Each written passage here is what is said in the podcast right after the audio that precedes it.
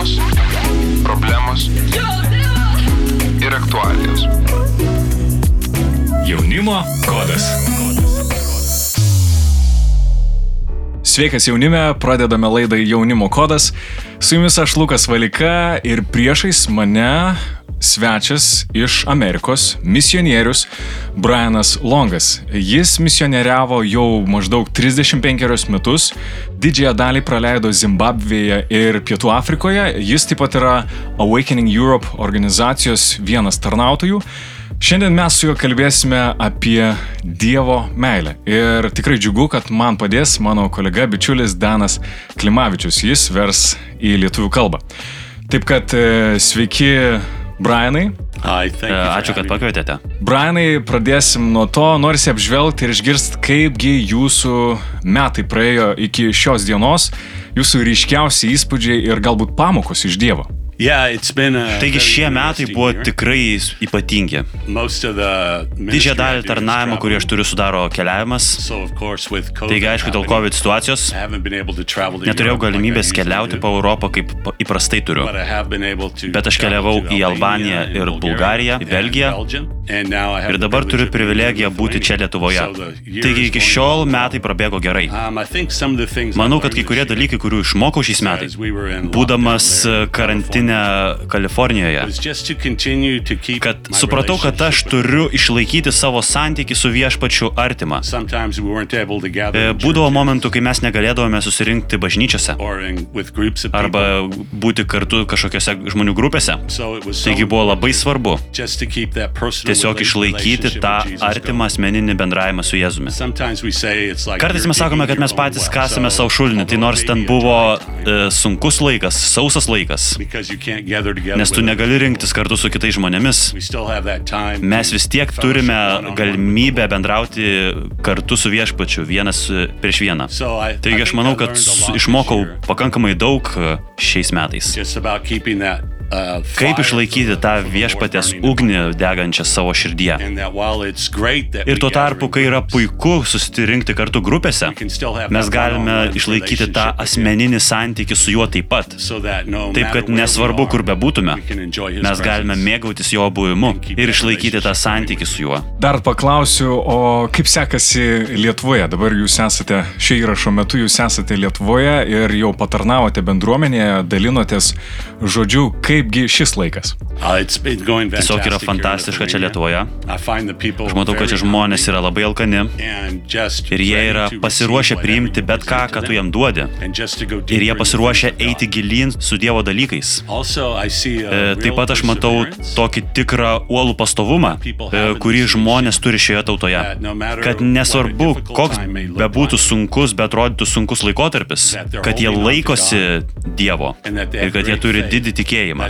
Kad nesvarbu, kas ką jie besutiktų, kad Dievas pernešios per visas situacijas ir jie išliks pergalingi. Ačiū Brianai už įžangą, mes e, pratesime po muzikinės pertraukėlės ir jau kalbėsime ir po truputį judėsime link tos temos apie Dievo meilę. Pasilikite su mumis.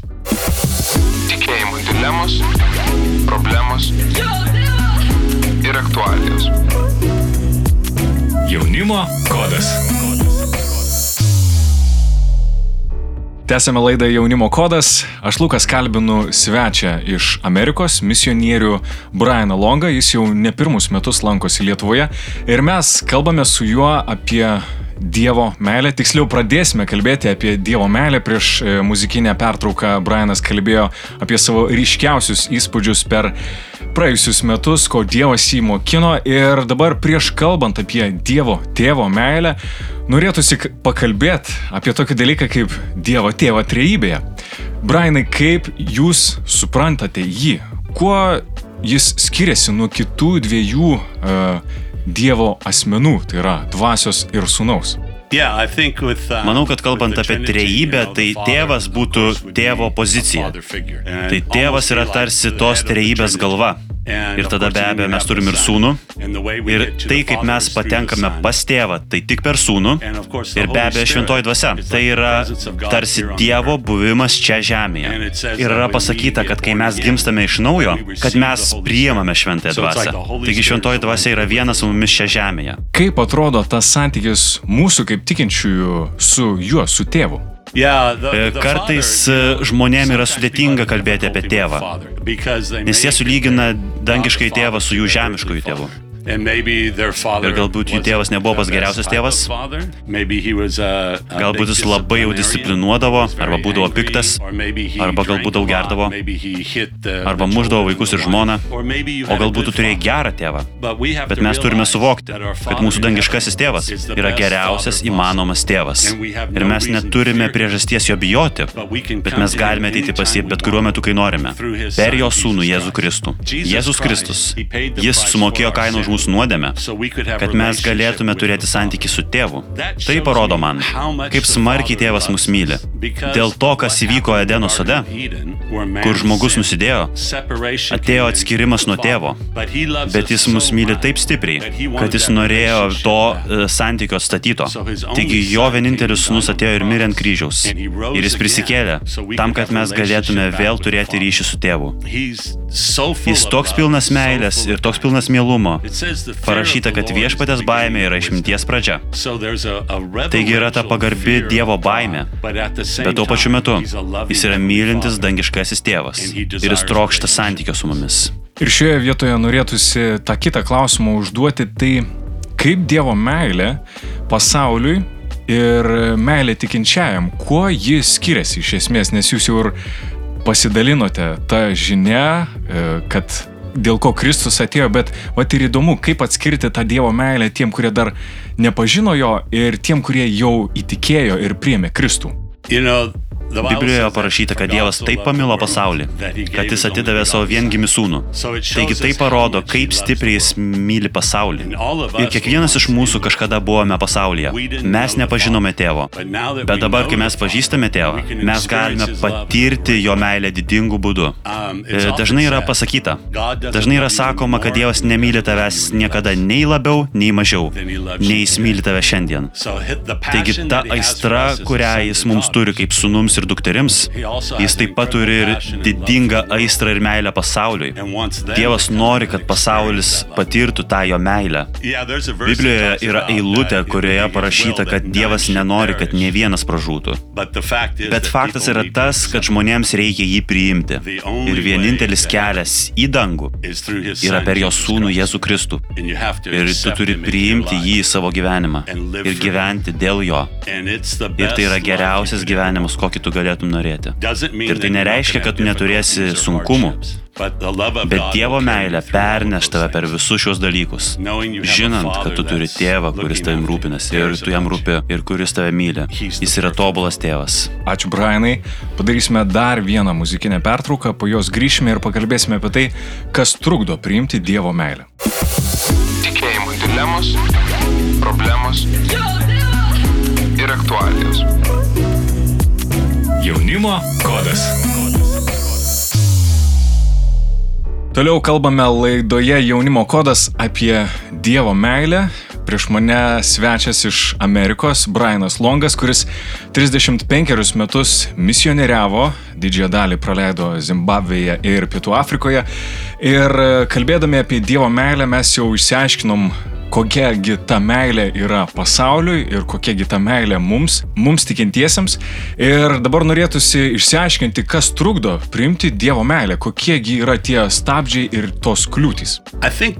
Manau, dažnai tos kliūtis, kurios stabdo mus nuo Dievo šlovės prieimimo, nuo Dievo meilės prieimimo. Kartais mes manome, kad mes nesame jos verti, arba kartais mes palyginame tą meilę su mūsų žemiškojo tėvo meilė.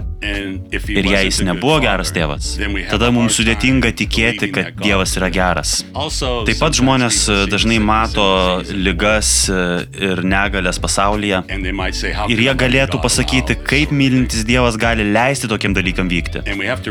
Ir mes turim suvokti, kad tai niekada nebuvo Dievo pirminis planas. Bet tai atsitiko Edeno sode, kai Adomas ir Jėva nepakluso Dievui. Bet per jo sūnų Jėzų Kristų mes turime galimybę priimti viešpatį ir praleisti amžinybę su juo. Aš žinau savo paties gyvenimą. Aš užaugau kartu su savo tėvu ir mama ir kai man buvo 11 metų, jie išsiskyrė. Taigi aš negyvenau toliau su savo tėvu. Taigi augdamas aš niekada neturėjau savo gero tėvo įvaizdžio. Ir aš visada maniau, kad e, Dievas ir pats taikosi mane sužeisti.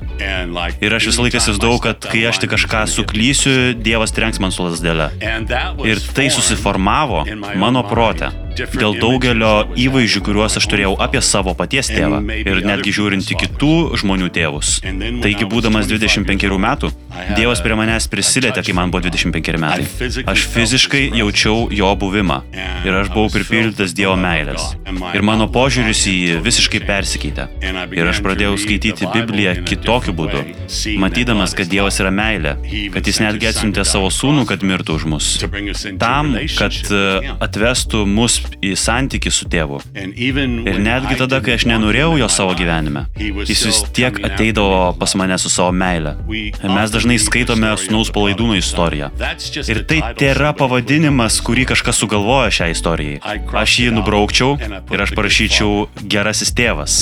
Nes nors vienas sunus ir pasiemė savo paveldą, dėl kurio tėvas dirbo sunkiai, jis paėmė jis išleido visus savo pinigus, švaistančiai leido. Jis iš tiesų pasiekė tą dugną miegodamas su keulėmis. Ir tada jis susiprotėjo ir sakė, dabar aš grįšiu pas tėvą. Ir būsiu tiesiog tarnas jo namuose, nes jisai bus piktas ant manęs. Taigi, kai jis grįžo pas savo tėvą, parašyta, kad tėvas pamatė jį iš toli.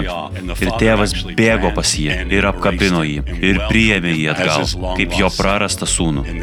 Ir ją iškėlė šventę. Taigi tai parodo man neįtikėtiną tėvo meilę. Ir tai panaikina daugelį įvaizdžių, kuriuos aš turėjau savo protę apie tėvą. Ir dabar aš matau jį kaip meilę. Ačiū Brianai, pasiklausykim dar muzikos ir sugrįšime, pratesdami apie tai, kaip įsitvirtinti Dievo meilėje. Tikėjimo dilemos, problemos ir aktualijos. Jaunimo kodas. Grįžtame į XFM studiją, laida Jaunimo kodas. Aš Lukas kalbinu Brianą Longą, kalbame apie Dievo meilę. Ačiū Danui už vertimą. Ir e, dabar klausimas apie tai, kaip įsitvirtinti Dievo meilėje. Ką daryti, kad tai taptų tikra ir gyva. Yeah, I, Manau, kad vienas iš dalykų, kuriuos aš išmokau per daugelį metų, ypač būdamas e, vienumoje su Dievu, tai žinoma yra Biblijos skaitimas, bet taip pat ir tiesiog kaip reikia mylėti viešpatį. Aš suvokiu, kad jis yra geras. Biblijoje parašyta, kad Dievas yra geras, kad Dievas yra meilė.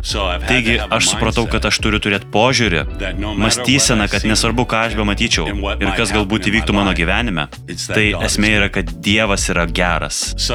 Taigi aš stengiuosi nežiūrėti jokią situaciją ir galvodamas apie tai, kodėl Dievas padarė tai ar, ar kitą dalyką. Vietoj to aš suprantu, kad Dievas yra geras, nesvarbu, kas bevyktų. Biblija sako, kad priešas ateina vokti, žudyti ir pražudyti. Bet Jėzus atėjo tam, kad duotų mums gyvenimą ir gyvenimo apšiai. Taigi aš suprantu, kad jis nori mums duoti super apstų gyvenimą. Taigi aš esu pilnai įsišaknyjęs fakte, kad Dievas yra geras. Ir tai man padeda suvokti Dievo gerumą ir Dievo meilę. Taip pat apriškimo knygoje yra eilutė, kur Jėzus sako, kad štai aš stoviu prie durų ir beldžiu. Jei kažkas išgirs mano balsą ir atidarys duris, aš įeisiu ir vakarieniausiu su jais. Tai pradėjo keisti mano visą perspektyvą apie Jėzų ir tėvą. Kad jie iš tiesų nori pietauti su manimi. Kad aš galiu tiesiog kalbėti su jais. Lygiai taip pat kaip mes galime eiti ir kartu pietauti su savo draugais. Mes galime sėdėti prie stalo ir valgyti, ir kalbėti, ir juoktis. Taip pat ir Dievas nori realaus santykio su mumis. Ir tuo pat metu, kai aš žinau, kad Jis yra visos visatos Dievas, aš taip pat suvokiu, kad Jis nori būti man tėvu. Ir aš galiu ateiti ir kalbėti su juo apie bet ką. Ir dalintis dalykais mano paties širdyje esančiais. Ir aš žinau, kad nesvarbu, ką aš jam be pasakyčiau, Jisai mane myli.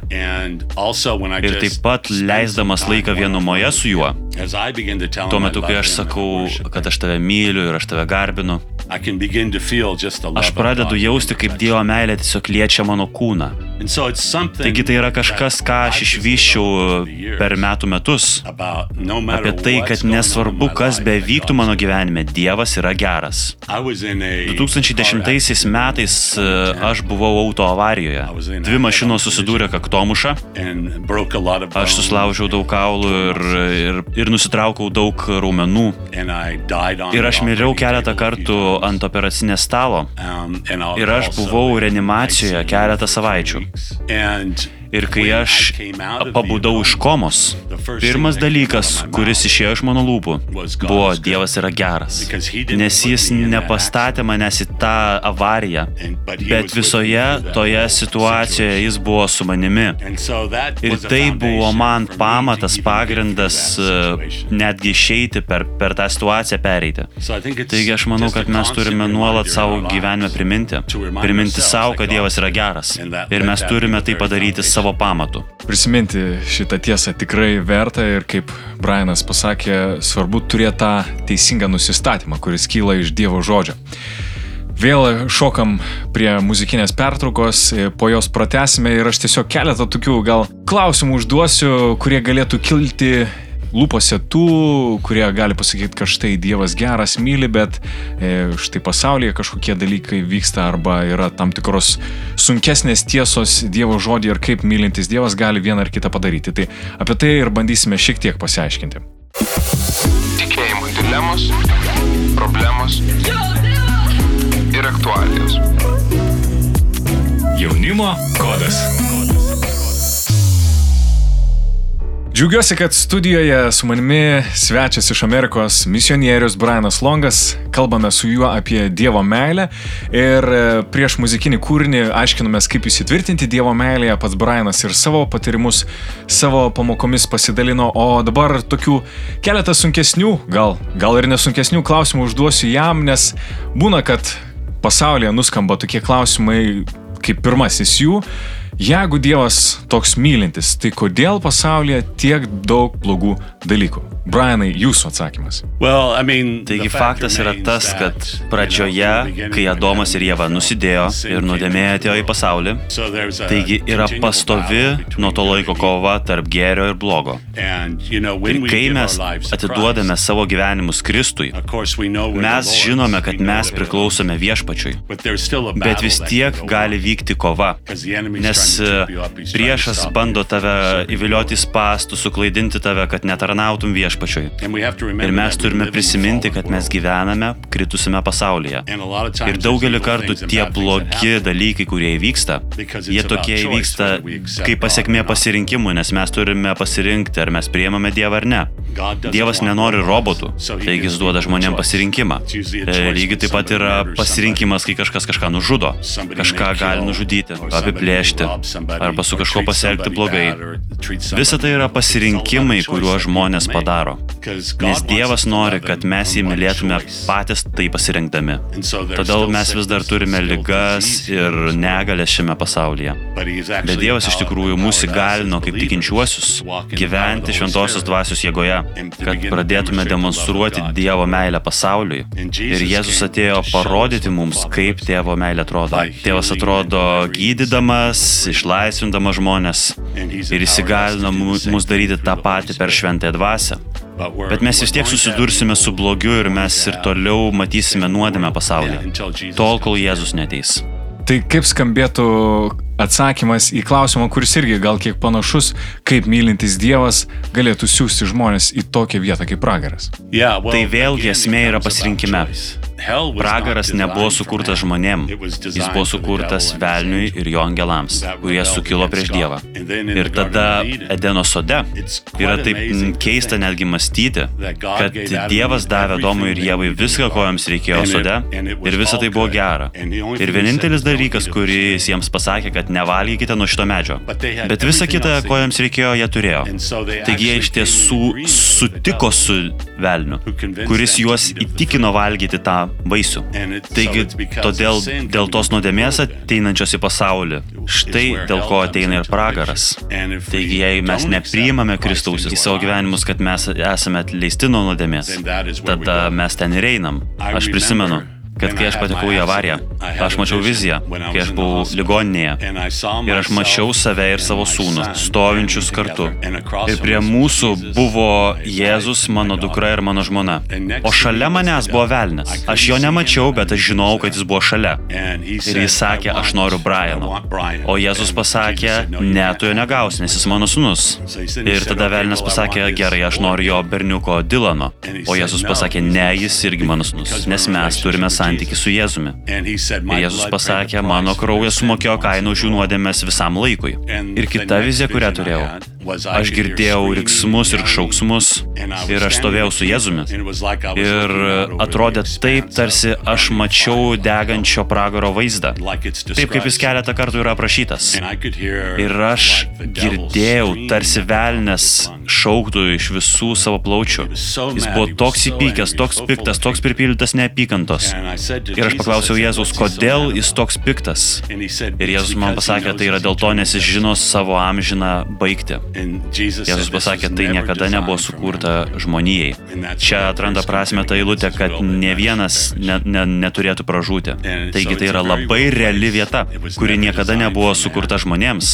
Bet dėl nuodėmės, jeigu mes nepriimsime jo į savo gyvenimus, mes ten tada praleisime amžinybę. Iš tikrųjų, stipru. Ačiū Brianai, kad pasidalinote ir atviravote ir apie savo patyrimus. Ir reiktų vėl pasiklausyti muzikos, po jos grįšime ir jau po truputėlį judėsime į pabaigą.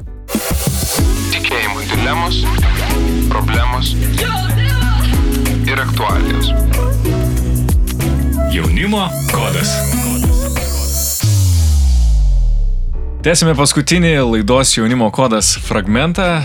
Prieš mane misionierius iš JAV Brianas Longas ir su juo kalbamės apie Dievo meilę. Iš tikrųjų, prieš muzikinį kūrinį kalbėjom apie tokį rimtą dalyką kaip pragarą ir ačiū Dievui, ačiū Dievui, kad iš tikrųjų Dievas trokšta, kad nei vienas nepražūtų, bet būtų išgelbėtas ir kad tas išgelbėjimas yra Jėzuje Kristuje. Na, o dabar jau paskutinėjame šiame fragmente, dar prieš suteikiant galimybę Brianui pasakyti tokį įkvepiantį arba drąsinantį grįžti pas Dievą žodį, norėtųsi paklausti, Brianai.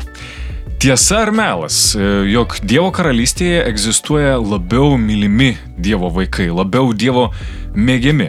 Ir apskritai, ką apie tai sako Biblija? Yra tokia Biblijoje eilutė, kurioje sakoma, kad Jėzus augo malonėje žmonių ir Dievo akise. Taigi iš tiesų skamba taip, tarsi mes galėtume aukti Dievo akise, jo malonėje. Ir todėl žmonės e, klausia, kad kodėl yra taip, kad atrodo Dievas mėgsta tą žmogų labiau nei mane. Ir aš manau, kad viskas sueina į paklusnumo klausimą. Nes e, dažnai viskas, ko viešpats nori, tai yra paklusnumo. Taigi, kai Dievas prašo mūsų kažką daryti, ar mes esame paklusnus, tai nereiškia, kad jis mus myli labiau ar jis myli mus mažiau. Taigi yra taip tarsi iš tiesų būtų atlygis už paklusnumą. Taigi, jeigu viešpats paprašys tavęs kažką padaryti, o tu sakysi ne, aš to nedarysiu, tuomet tai yra taip tarsi tu esi nepaklusnus jam. Ir kadangi jis tave myli, tai jis tau primins tai dar ir dar kartą. Manau, kad daugelį kartų mes matome, kad e, Dievas vieniem žmonėm yra labiau palankus nei mums, bet taip yra tiesiog dėl to, kad jie yra paklusnesni. Um, E, Kai aš buvau 25 metų, Dievas per pranašystę man pradėjo šaukti mane į Afriką. Ir pirmą kartą, kai man pranašavo, kad aš jaučiu, kad tave Dievas šaukia į Afriką, aš pasakiau, ne, aš nevyksiu. Ir maždaug po savaitės antras žmogus priejo prie manęs ir pasakė man, aš jaučiu, kad Dievas šaukia tave į Afriką. Ir aš pasakiau, ne, nevyksiu. Bet jis pradėjo dirbti su mano širdim vis labiau ir labiau. Ir maždaug po savaitės nuo to laiko kažkoks žmogus vidury susirinkimo, pilna bažnyčia, pasakė, kad Dievas kažką čia šaukia į Afriką ir tu turi paklusti jam. Taigi aš iškėliau ranką ir nuėjau į priekį ir jie meldėsi už mane ir jie surinko paukojimus ir ten buvo pakankamai pinigų, kad mane išsiųstų į Afriką. Ir kai kurie žmonės paklaustų, kodėl Dievas palaimino tave tokiu būdu. Ir tai yra dėl paklusnumo. Ir galite pastebėti, kad kai kurie Dievo vyrai ir moteris, atrodo, jie daro daugelį nuostabių dalykų žemėje. Ir taip yra dėl to, kad jie pasako taip Dievui bet kokiuose dalykuose, kuriuose jisai prašo. Man viskas sueina į tai, kad Dievas yra geras, geras tėvas. Taigi nesvarbu, kame aš galiu pasitikėti juo. Taigi, ko jis beprašytų, aš tai padarysiu, nes aš galiu juo pasitikėti. Taigi daugelis to, ką žmonės supranta kaip, o tas yra labiau mėgstamas, o tas dar labiau, tai iš tiesų yra tik tai, kad vienas žmogus e, paklūsta Dievui. Ir be abejo tikrai yra atlygis už tai, kad tu esi paklusnus. Kai kurie žmonės sako, o aš nenoriu atlygio iš Dievo. Gerai, tada aš juos paimsiu. Dievas nori palaiminti jūs ir jūsų vaikus. Ir Brainai, pabaigai tiesiog trumpai jūsų žodis tiems jaunuoliams e, kurie atpuolė, pavyzdžiui, nuo tikėjimo. Galbūt jie įsiskaudino, galbūt jie nusivylė arba patyrė kažkokią nesėkmę, dėl ko jie arba laiko save nevertais grįžti pas Dievą, arba tiesiog jų širdis per laiką galbūt net ir užkėtėjo. Ką pasakytumėt jiems? Aš užaugau bažnyčioje ir aš mačiau Dievo jėgą ir patyriau jo buvimą, būdamas 10, 11, 12 metų. Ir tada, būdamas 16, 17, 18, aš pradėjau atsitraukinėti, įsitraukiau narkotikus, alkoholį, į miegojimą su įvairiom moteriam ir aš pradėjau gyventi tokį gyvenimo būdą. Bet visą tą laiką aš žinojau, kad Dievas mane myli. Žinojau, kad Jis rūpinasi manimi. Ir Jis atvesdavo žmonės prie manęs, kurie sakydavo, kaip Dievas mane myli, kaip Jis rūpinasi manimi. Aš įsijungdavau televiziją ir pakeisdavau e, kanalą. Ir kažkas ten gėdodavo, Dievas te myli. Gėdodavo, Dievas te myli aš pakeisdavau vėl kanalą. Taigi, nors aš būdavau atsitraukęs nuo jo, aš žinojau, kad Jis mane myli. Taigi, galbūt tu gyvenai su Dievu praeitie. Ir gal galbūt tu įkritai nuodėmė ir nebetarnauji jam, bet aš noriu, kad tu žinotum, kad Dievas tave myli. Priešas galbūt tau sako, kad tu per daug nusidėjai. Dievas tavęs nebemyli, nebegali sugrįžti, bet tai yra melas. Tai yra ta pati sunaus palaidūno situacija. Tėvas tave myli, jis bėga link tavęs. Ir aš, būdamas 21, aš dirbau kepykloje Ir Dievo buvimas nužengė į kepyklą. Į kepyklą. Aš, aš neieškau jo, bet jis mane mylėjo taip stipriai, kad jis palėtė mane toje kepykloje. Ir aš atidaviau savo gyvenimą nes jis myli. Taigi, jei tu esi šioje vietoje, aš noriu, kad tu žinotum, kad, kad tėvas tave myli. Ir jis sako, sugrįž namo. Tai nėra per vėlų. Tu nesi per toli nuo jo. Jis vis dar myli tave ir jis nori, kad tu sugrįžtum namo. Taigi aš tave tiesiog kviečiu atgal pas tėvą. Sugrįžk ir patirk vėl tėvo meilę. Jis atleis tavo nuodėmės, nuplausės ir tu tapsi naujų žmogumi ar nauja moterimi.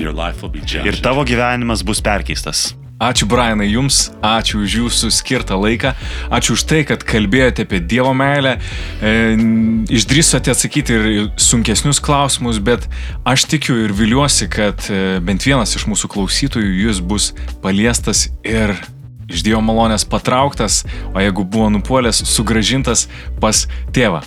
Ačiū taip pat Danui už vertimą, o man laikas atsisveikinti, bet prieš tai noriu priminti, jaunimo kodo laidų galima klausytis YouTube paskyroje bei SoundCloud platformoje, mes taip pat keliamės ir į Spotify.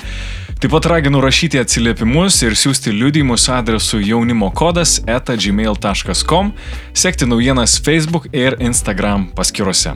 Ačiū, kad klausotės ir iki kitų jaunimo kodo laidų.